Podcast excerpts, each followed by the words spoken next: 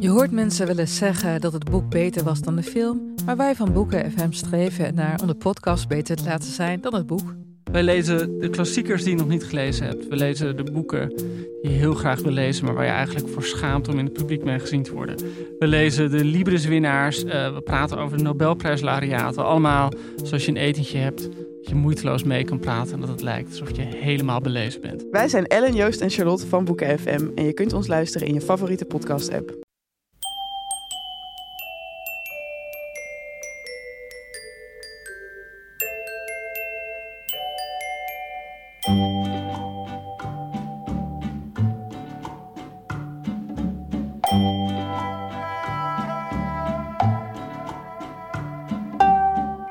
Welkom bij aflevering 148 van de Echt Gebeurd podcast, waarin waargebeurde verhalen verteld worden door de mensen die ze zelf hebben meegemaakt. Deze keer laten we het verhaal horen van Casper van Rooyen. Het thema was verhuizen.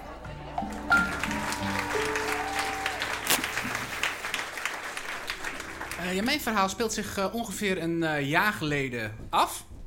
Het ging toen heel slecht met mij gaat nog steeds wel slecht met mij, maar toen ging het, toen heel, uh, ging het heel slecht met mij. Mijn uh, huwelijk was op de klippen gelopen. En um, ja, ik woonde in een heel mooi huis in de Watergraafsmeer met drie uh, verdiepingen en een balkon. Um, maar omdat we daar zaten, omdat mijn ex zo lang op woningnet had gezeten, ja, was het toch eigenlijk volgens haar de redelijke keuze dat zij daar zou blijven. Dus ik was woningzoekende. En uh, ja, gelukkig waren we over één ding. Uh, uh, lagen we op één lijn. En dat was onze, onze dochter van vier. Die nou ja, zo de helft van de week bij haar wonen en de helft van de week bij mij. Alleen, ik had nog geen huis. En ehm, nou ja, ik verbleef daar een tijd lang als een soort schim op zolder. Die dan wel elke keer materialiseerde wanneer mijn dochter in de buurt was. Maar ik was dus heel druk op zoek. En oh ja, wat ook nog meespeelde, ik had nauwelijks tot geen geld. Want ik had een aantal jaren niet gewerkt, maar in plaats daarvan was ik bezig aan een boek waarvan het eerste hoofdstuk maar niet afkwam. dus dat was een van de vele redenen dat mijn huwelijk op de klippen was gelopen.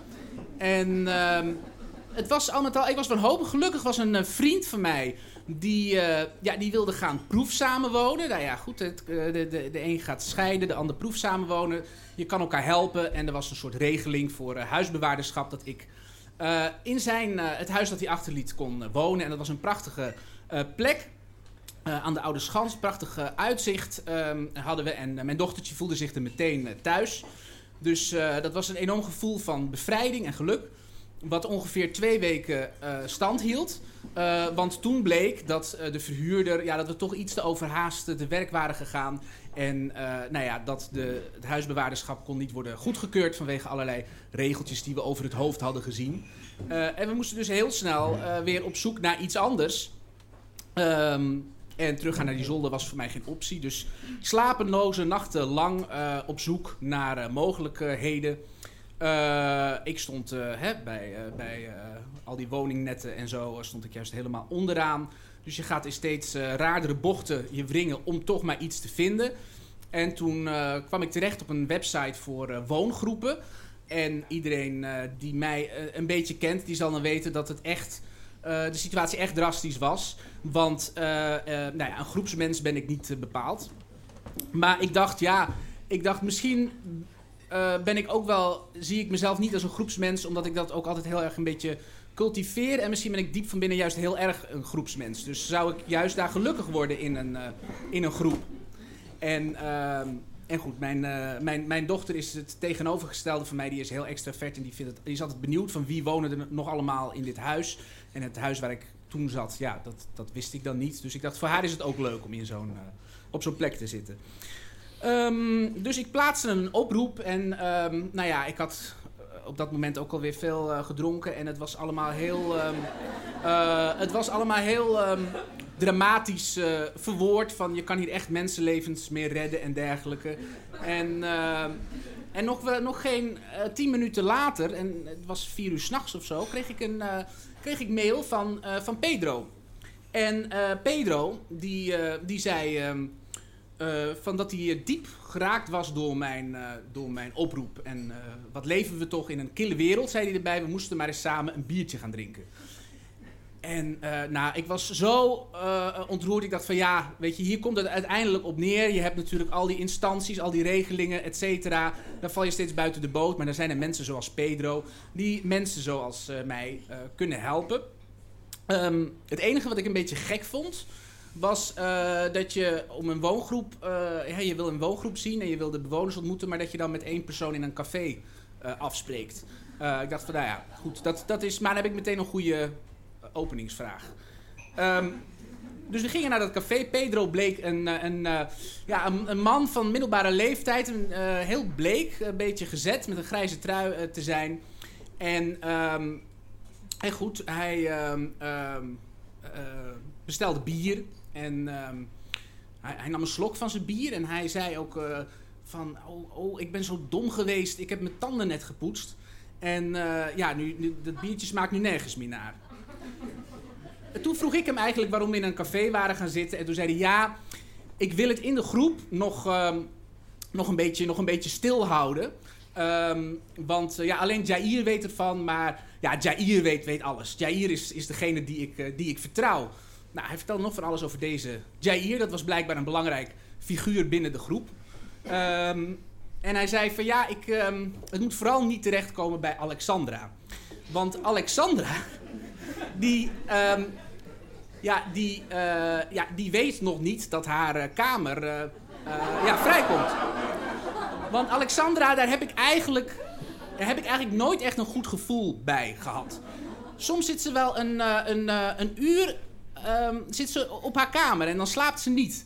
Eh, dat, dat is heel, heel merkwaardig. En, ehm, en afgelopen december, toen, eh, vorig jaar, toen was het en bij de kerstdagen eh, en oud en nieuw, vieren ze bij haar familie in Roemenië. Dus en de beide kerstdagen eh, en oud en nieuw. En dan denk ik van, nou ja, als het dan nog alleen de kerstdagen of alleen, ja, waar staan wij dan nog? Wij zijn toch ook een soort familie? En ehm, nou ja, ik heb lange tijd bij de recherche gewerkt. En ik heb ook wel connecties bij eh, Kamernet en dat soort sites. En eh, nou ja, goed, ik eh, ben er inderdaad achter gekomen dat zij ja, op zoek is. En ja, ons, hè, achter ons rug om. En nou ja, goed. En dan denk, ik, ik, dan denk ik, is dat nou loyaliteit? Dan kan je vertrekken ook.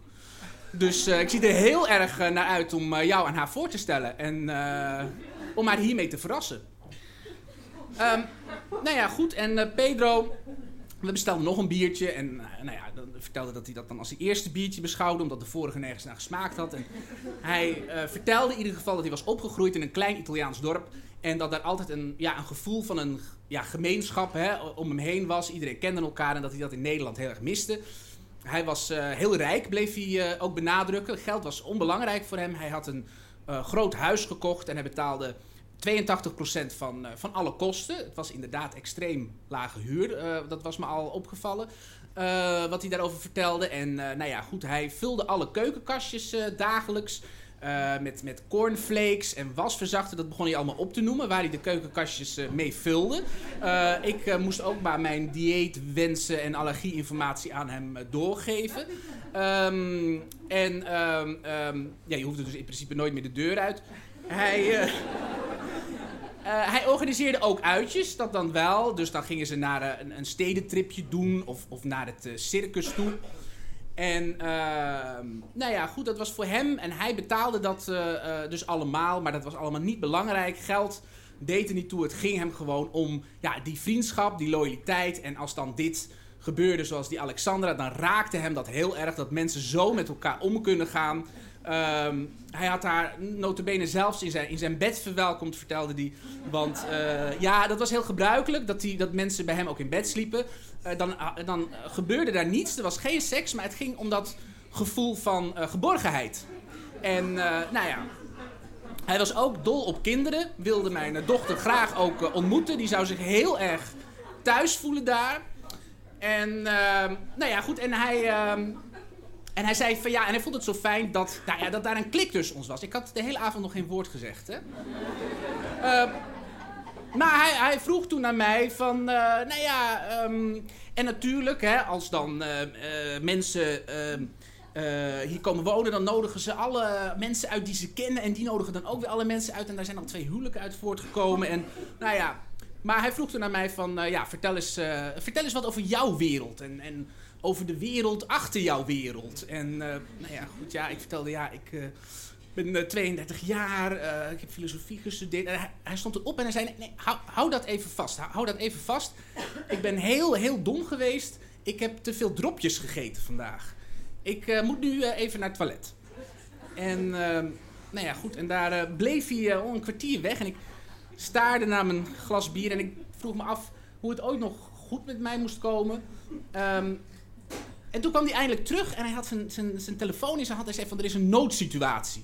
Er is een noodsituatie. Uh, Jair is in het glas getrapt. En Jair, ja, Jair ziet niet goed. Ik moet naar Jair toe. Ik moet met Jair naar het AMC. Ik weet niet of ik nog terugkom. Uh, en toen ging hij weg. En ik dacht van ja, maar moet ik hier nou wachten tot hij misschien weer terugkomt? En uh, nou, ik zat er een tijd en ja, hè, ik moest uiteindelijk de hele bierrekening ook, ook, ook afrekenen natuurlijk. Hij was zomaar weggegaan. Maar ik bestelde nog een, een whisky voor mezelf. En ik zat daar en opeens raakte ik overvallen door een gevoel wat ik heel lang niet meer ervaren had. Waarvan ik niet meer wist hoe dat voelde. En het was een, ja, een, een, een, een gelukzalig gevoel van, van dankbaarheid. En ik dacht van, ja, nou ja, goed hoe het ook voor de rest af mogen lopen van mij en mijn dochter, waar we ook terecht mogen komen. Ik zal in ieder geval, uh, wij kunnen in ieder geval samen uh, gelukkig zijn in een kartonnen doos. In ieder geval alles beter dan ooit terechtkomen bij deze man. Dank jullie wel.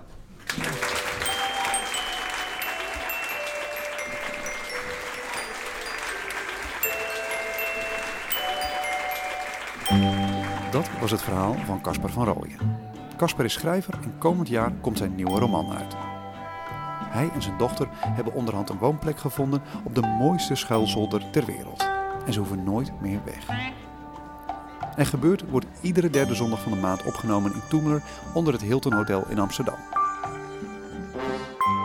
Op 15 januari organiseren we ons tweede gala in de Kleine Comedie. Vanaf nu zijn er naast onze luxueuze VIP-kaartjes ook de reguliere kaartjes in de verkoop gegaan.